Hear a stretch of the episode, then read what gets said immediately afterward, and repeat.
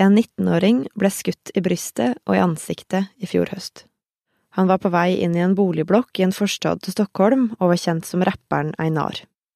Skuddene ble avfyrt på halvannen meters avstand, og drapet satte i gang en debatt om svenske tilstander og om gangsterrapp.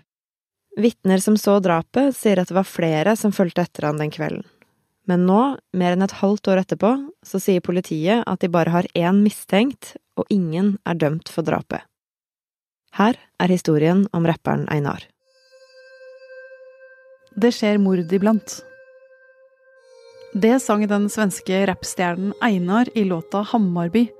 Og det var i Hammarby sør i Stockholm at han ble skutt og drept utenfor en boligblokk torsdag kveld forrige uke.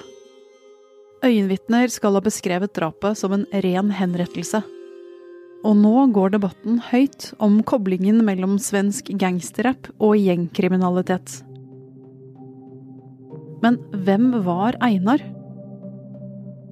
Og er svensk gangsterrapp like farlig som sitt rykte? Du hører på Forklart fra Aftenposten. Jeg heter Marte Spurkland, og i dag er det onsdag 27. oktober.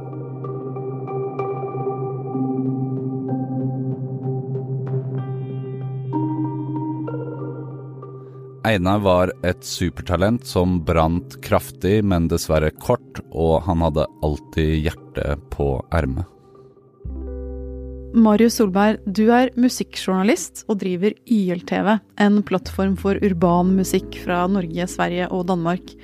Og Einar, eller Nils Kurt Erik Einar Grønneberg, som han egentlig het, du kjente ham godt, gjorde du ikke?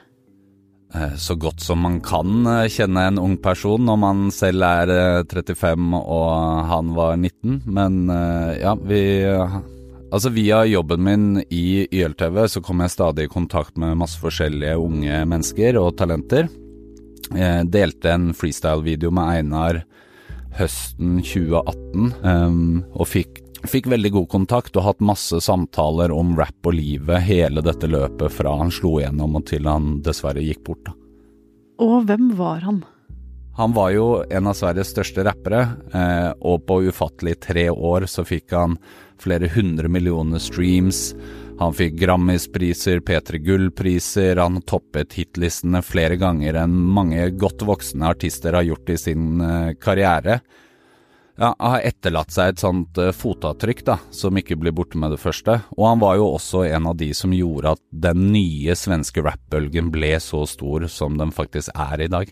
Og nå skal vi inn i Einars historie. Hvor kom han fra?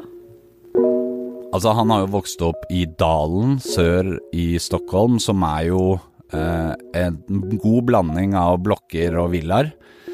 Eh, så det er jo litt sånn enten-eller-område. Han er jo da sønn av Lena Nilsson, som er jo en eh, anerkjent skuespiller hjemme i Sverige. Eh, han eh, kom jo via det inn i både skuespill og musikk, eh, og han fra tidlig av var liksom musikkinteressert, rappet allerede som seksåring, og jeg tror de fleste nå har sett disse utallige videoene av en ung Einar, om han er 11 eller 13 eller Som sitter og rapper i studioer eller på torg eller så videre, så rap var jo noe han ville veldig tidlig, og hadde en veldig sånn klar tanke om at det var det han eh, skulle bli, da. Eh, og da han gikk på ungdomsskolen, så tok livet på en måte en ny vei, stemmer det? Nei, altså han er en sånn klassisk uh, ung gutt med ekstra energi, for å sitere albumtittelen hans. Uh, og nå er jo ikke systemet laget for verken han eller meg eller alle andre gutt, unge gutter med ekstra bokstaver, så han ramlet litt uh, utenfor. Havnet på institusjon som 17-åring.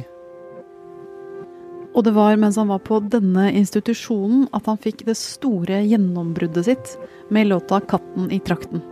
Eh, han bodde jo da som sagt på institusjon da han var 17, eh, og i et intervju med meg så fortalte han at han eh, løy til institusjonen om å få At han skulle gjøre en musikkvideo rett og slett for å få permisjon og få lov til å dra tilbake til dalen og henge med gutta. Hvor en av de voksne insisterte på å bli med. Så i bilen på veien inn til byen så måtte han liksom arrangere en fake musikkvideoshoot, fordi det var jo unnskyldningen hans. Eh, så han bare plukket låten 'Katten i trakten' på slump. Eh, fikk gutta til å stille opp og skulle lage musikkvideo til den låta. Eh, ja, for å dekke over den løgnen. og da Det endte jo da opp med å bli gjennombruddet hans, og så ble den jo på rekordtid en megahit. Den gikk nummer én i Sverige. Den hadde ti millioner streams kun på noen måneder.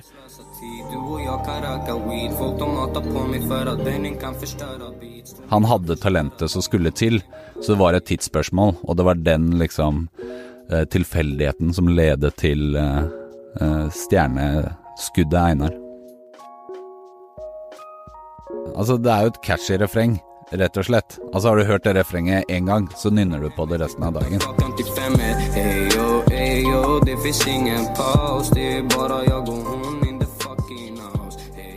Sånn at det er jo egentlig så enkelt. Det er jo en klassisk pop-faktor. Hva var det han pleide å, å rappe om? Eh, han rappet jo om på en måte livet i dalen.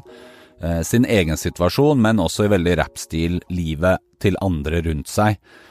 Eh, men jeg tror det som skilte han fra alle de andre, var at han hadde nok et større innskudd av følelser og hjerte på ermet, eh, som gjorde at det traff nok litt eh, bredere enn enn mange av de andre da, som lager lignende musikk. Og det som gjorde at han ble så veldig, veldig stor, da, og dette er jo min teori, er jo at han er jo en svenne fra Orten, så han ble på en måte en sånn brobygger mellom vanlige gåseøyne svensker og livet i forstedene.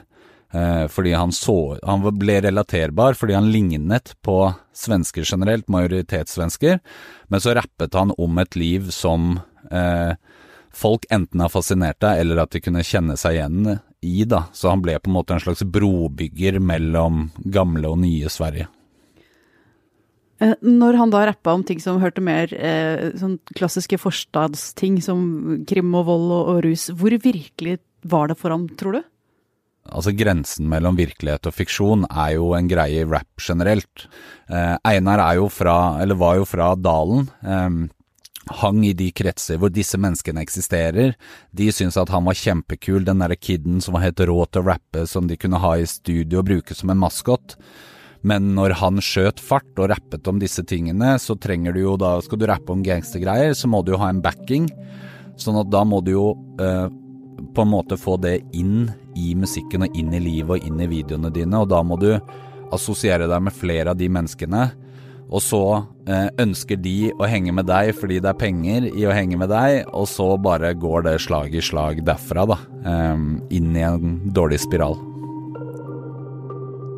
For det gangsterlivet Einar rappa om, skulle bli veldig virkelig.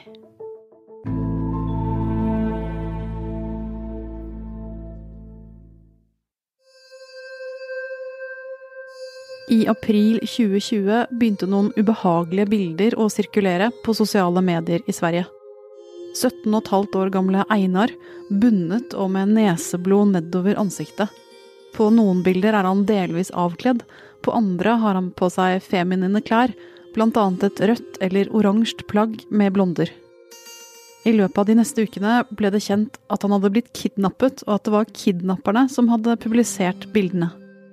Einar selv samarbeidet ikke med politiet som etterforsket saken. Han sa at kidnappingen var et PR-stunt og ikke så alvorlig.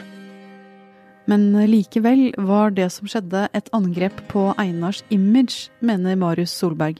Mange tenkte vel at oi, nå er den karrieren over, det går ikke an å komme tilbake etter det her, det går ikke an å ha liksom rak rygg og, og rappe om gategreier etter at du har blitt ydmyket på den måten, men eh, Så han hadde jo to valg. Det ene var jo liksom enten trekke seg tilbake og, eller på en måte rappe om noe annet. Eller å bare kjøre hardere enn noensinne da, og komme tilbake med et pang, og det valgte jo han Selvfølgelig så er det jo et element at da må du jo eh, tøffe deg opp enda mye mer, da, og er avhengig av å ha en enda kraftigere backing fra gata enn det du hadde fra før av.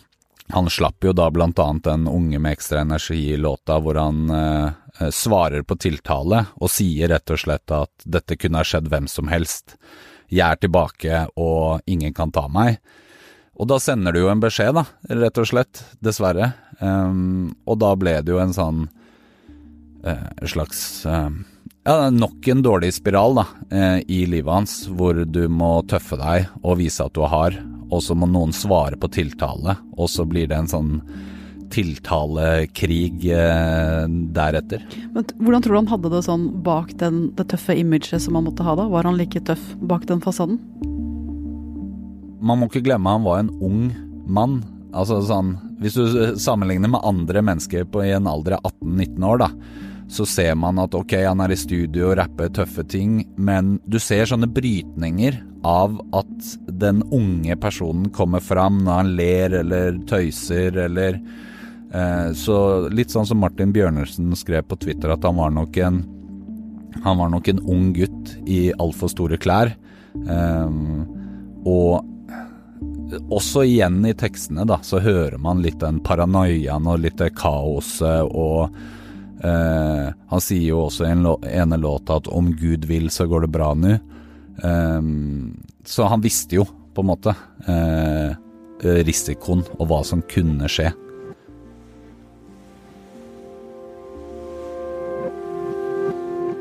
Torsdag kveld forrige uke var Einar sammen med to andre rappere i Hammarby.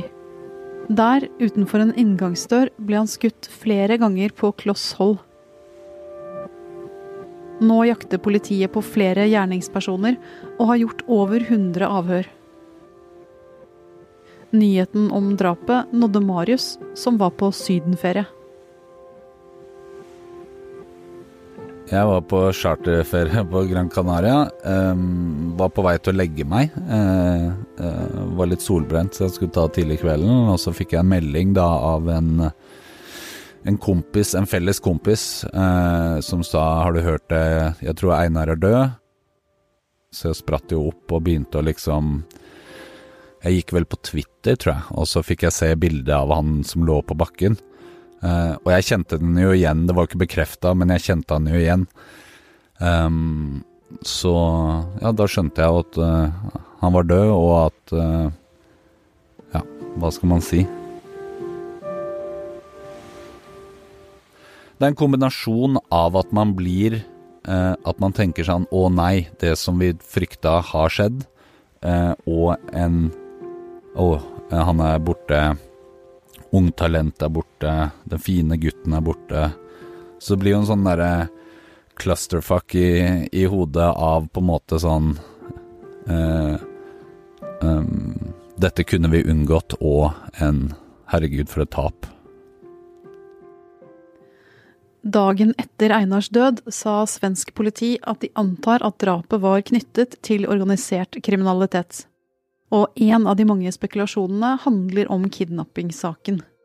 I juli i år ble to rappere med tilknytning til gjengmiljøet Vårbynettverket dømt til fengsel i tingretten for kidnapping av Einar. Han selv nektet å vitne i saken. Denne uka skulle kidnappingssaken gå i lagmannsretten, og Einar var innkalt. Men manageren hans har sagt at han ikke hadde noen planer om å vitne denne gangen heller og ennå er det meste rundt drapet uklart. Etter dette drapet så krever jo svenske politikere at regjeringen må ta mer fatt i den svenske gjengkriminaliteten. Ehm, hvor tett knytta er rappen og de ekte kriminelle miljøene i Sverige? Jeg tror at det er jo en klassiker uansett hvilket land du er i, at uh, veldig Majoriteten av gangsterrappere lyver jo. Altså de overdriver og snakker om en ting som ikke er virkelighet. De rapper om livet til noen andre. Og så har du et fåtall mennesker som faktisk lever det de rapper om, eller har de menneskene rundt seg. Um, sånn at vi må først og fremst skille mellom eh, gata og rappere, fordi rap er underholdning, og at man toucher her og der, på lik linje med at eh, Frank Sinatra hang med mafia, så er det noen eh, svenske rappere som henger med ekte gangstere. Så jeg tror, jeg tror at det vi må innse er at Sverige har et kjempeproblem i, i forhold til vold og gjenger og utenforskap og sosioøkonomiske problemstillinger som ikke har noen ting med rap å gjøre. Eh, og så Eh, så tror jeg jo selvfølgelig at rappere nå kommer til å være mye mer sensitive på hva de sier og hva de gjør fremover, og man kommer til å tenke en ekstra gang. Eh, men det her er på en måte to helt, helt forskjellige debatter, da. Eh, at ja, rapp og gjengkriminalitet er to forskjellige ting, og så toucher de litt, og det snakker vi om i rappmiljøet. Men de andre tingene, det er nesten noen andre som må ta det. Hva blir arven etter Einar, tror du? Altså, Rapp har jo blitt så stort i Sverige som det er i dag, mye av han. Ikke ene og alene selvfølgelig, men mye av han. Og jeg tror at eh, først og fremst musikken. Det er jo en låtkatalog av en annen verden på kort tid. Eh, jeg kjenner rappere som har holdt på i 30 år og ikke har så mange album uh, i lomma.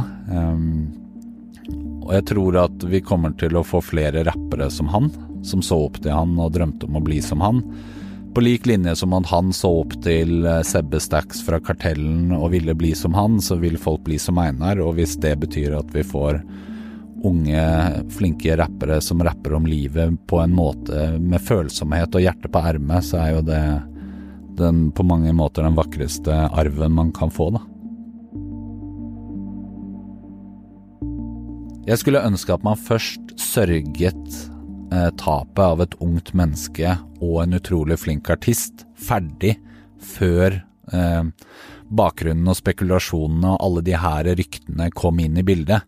At man fikk tid til å gi han det alle andre artister i hans status hadde fått hvis de ble revet bort, og så kunne på en måte kunne man ha hevet maling på arket etter det fordi eh, akkurat nå så overskygger jo alle de her andre faktorene eh, det talentet og det han faktisk fikk til.